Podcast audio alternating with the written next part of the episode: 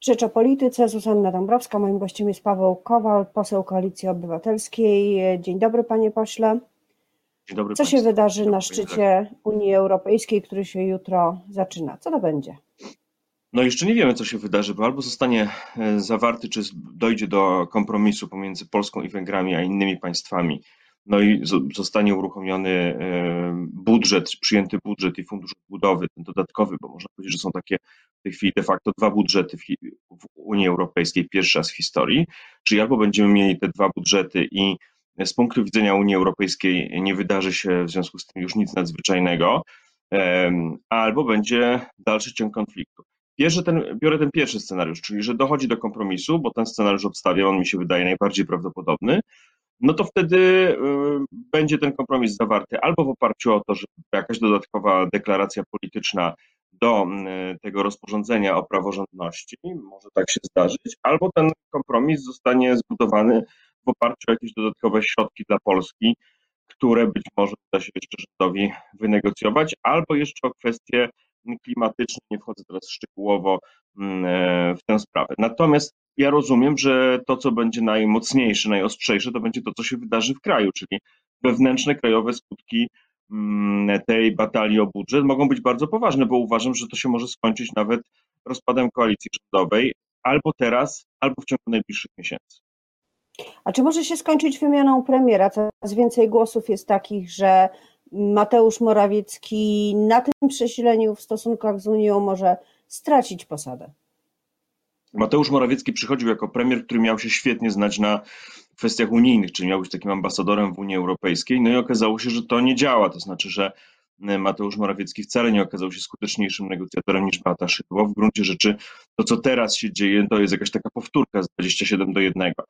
Czyli e, ten główny cel, dla którego Morawiecki został premierem, nie został zrealizowany. Podobnie jak Morawiecki nie poradził sobie w taki sposób, jak oczekiwano e, z pandemią koronawirusa w Polsce, czyli krótko mówiąc, tych e, atutów, z którymi przychodzi, już nie ma, a w roku przeciwników ma wielu we własnym obozie, bo przecież to, co teraz obserwujemy, to jest ta, ten fakt, że z Unią Europejską negocjują de facto trzy rządy w jednym rządzie, jednym rządzie no to, to pokazuje, jakie tam jest e, kłębowisko żmii, jak wiele osób chce zaszkodzić Morawieckiemu. Także jego pozycja stała się nagle bardzo słaba.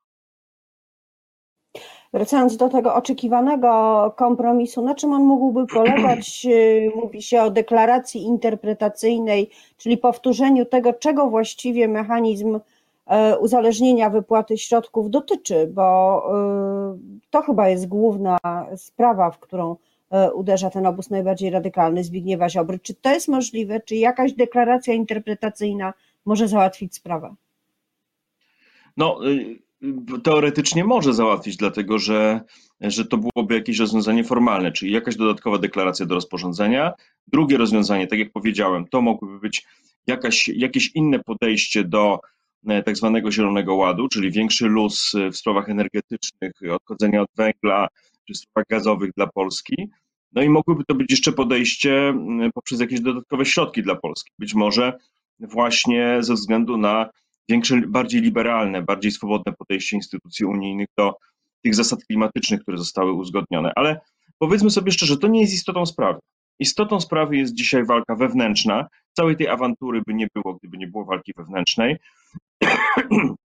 Istota sprawy polega na tym, że Mateusz Morawiecki był przekonany, że jest delfinem, że nic mu nie grozi. No a zamiast delfinem okazał się trochę zderzakiem, bo dzisiaj nikt już, nikt już nie ma wątpliwości, że ofiarą, jedyną ofiarą tego, co się stanie wokół budżetu unijnego, może być Morawiecki. To zarówno w warunkach, kiedy ustali kompromis, jak i w warunkach, kiedy kompromisu nie będzie, ponieważ w każdym wypadku zostanie uznany za mm, bardzo słabego, e, za bardzo słabego premiera i będzie łatwym celem do wymiany na kogoś bardziej związanego ze środowiskiem e, kiedyś porozumienia Centrum, a dzisiaj e, Prawa i Sprawiedliwości, czyli pewnie tym nowym premierem zostanie albo Mariusz Błaszczak, albo Joachim Brudziński, albo któryś e, z tej grupy polityków, ponieważ widać jasno, że Mateusz Morawiecki wzbudza wewnątrz obozu władzy w tej chwili kont- ko- kontrowersje, staje się źródłem kłopotów dla Jarosława Kaczyńskiego. Wszyscy będą chcieli jak najszybciej e, uniknąć tych problemów, szczególnie w warunkach, że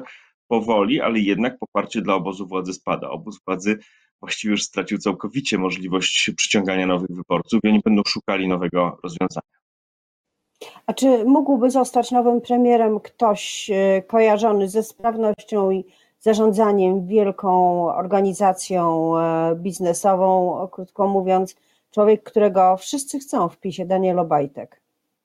Taką moim zdaniem kiedyś, podobno. Tak, ja wiem. Moim zdaniem kiedyś tak, teraz już nie bardzo, dlatego że teraz oni będą szukali rozwiązania już takiego ściśle politycznego, y, bo w ich głowie jest tak, że oni muszą wziąć w karby ten swój obóz, dlatego że to się może skończyć wyborami w przyszłym roku. Z punktu widzenia PiSu obecna sytuacja może się skończyć y, wyborami w przyszłym roku, dlatego że y, jeśli poparcie dla obozu władzy będzie leciutko topniało i zejdzie poniżej 30%, nawet niewiele poniżej 30%, to nagle się okaże, że jest problem w tym, czy, czy w ogóle jest możliwa, mm, czy w ogóle jest, jest, możliwa, mm, jest możliwa w razie jakichś wyborów, gdyby coś się wydarzyło, czy jest możliwe utrzymanie władzy. Czyli krótko mówiąc, oni będą starali się zrobić wybory w momencie, kiedy będą uważali, że jeszcze jest możliwe wygranie tych wyborów i utrzymanie władzy. Będą mieli nową sytuację, dlatego że bez tego wsparcia, które dawał Donald Trump, a z krytycznym podejściem nowej administracji amerykańskiej, będą się bali przeciągać stan rzeczy, w którym no, rząd polski, a obecnie tak będzie naprawdę, będzie coraz bardziej izolowany, dlatego że dotychczas rząd polski zawsze mógł powiedzieć, dobrze, ale popiera nas Trump, popierają nas Amerykanie, a teraz będzie inaczej. Teraz będzie, no, yy, mamy kłopot, dlatego że okaże się, że poza tym głównym nurtem tego, co nowa administracja będzie nazywała Ligą Demokratyczną, znajdzie się Polska i Węgry.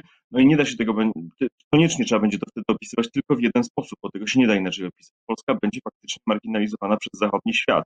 To będzie bardzo trudne dla, dla rządu w Warszawie. Mam wrażenie, że te wczorajsze zakupy na rynku mediów także były z tym powiązane, że obóz władzy czuje, że e, te jego super lata, gdzie mogli się odwoływać do Trumpa, mm, się kończą. Mówimy o zakupie Polska Press i sieci lokalnych gazet i portali informacyjnych właśnie przez Orlen, spółkę Skarbu Państwa kontrolowaną e, przez Skarb Państwa.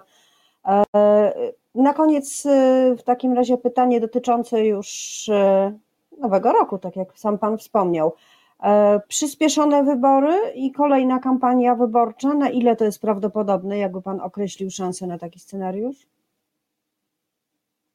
Uważam, że to jest scenariusz dzisiaj najbardziej prawdopodobny, że w, i takie też płyną sygnały z obozu władzy. Wybory w przyszłym roku, dlatego że to jest dla nich jedyna szansa w tej chwili, po pierwsze pozbycia się z łódki mm, polityków, z którymi się nie zgadzają, po drugie, po drugie e, utrzymania większości. Ale powiem szczerze, to byłoby zgodne moim zdaniem z interesem Polski. Ten rząd źle rządzi, nie poradził sobie z pandemią, nie daje rady w sprawach europejskich i Polska zasługuje na to, żeby dostać szansę na szybką zmianę rządu. Więc ja akurat, ja wiem, że to może być niezgodne z interesami opozycji, niezgodne z interesami kogoś, że każdy wolałby się przygotować do wyborów, mieć na to 2-3 lata, ale ja mówię jedno, to jest bardzo zły rząd, to jest rząd, który nie liczy się ze społeczeństwem, który tak traktuje, jak traktuje społeczeństwo, wysyłając policję na pokojowe demonstracje. To jest rząd, który nie ogarnia już gospodarczo e, sytuacji, doprowadził do recesji dla Polski, jest dobrze, żeby ten rząd zmienić, żeby po prostu dać Polsce szansę i dać obywatelom szansę na to, żebyśmy się utrzymali w, wśród tych państw zachodnich, które wystartują z super rozwojem w przyszłym roku. Bo powiedzmy sobie szczerze, pandemia się kończy, wszyscy piszą o tym, że to będzie wielka szansa na naprawdę taki rozwój torpedę e, w niektórych szczególnie dziedzinach gospodarki i chciałbym, żeby Polska w tym czasie nie była uwikłana nieustanne wewnętrzne konflikty, które generuje ten obóz władzy. Króciutka odpowiedź na pytanie. Opozycja jest na to gotowa, na ten scenariusz?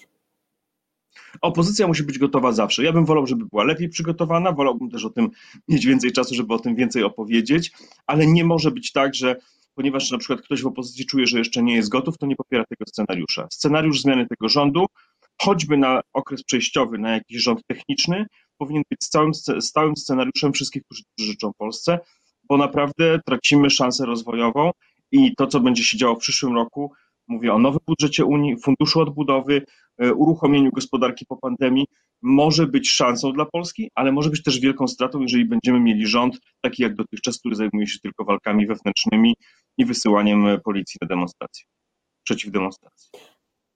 Bardzo dziękuję za tę analizę i za tę ocenę. Moim gościem był poseł Koalicji Obywatelskiej Paweł Kowal. Dziękuję bardzo.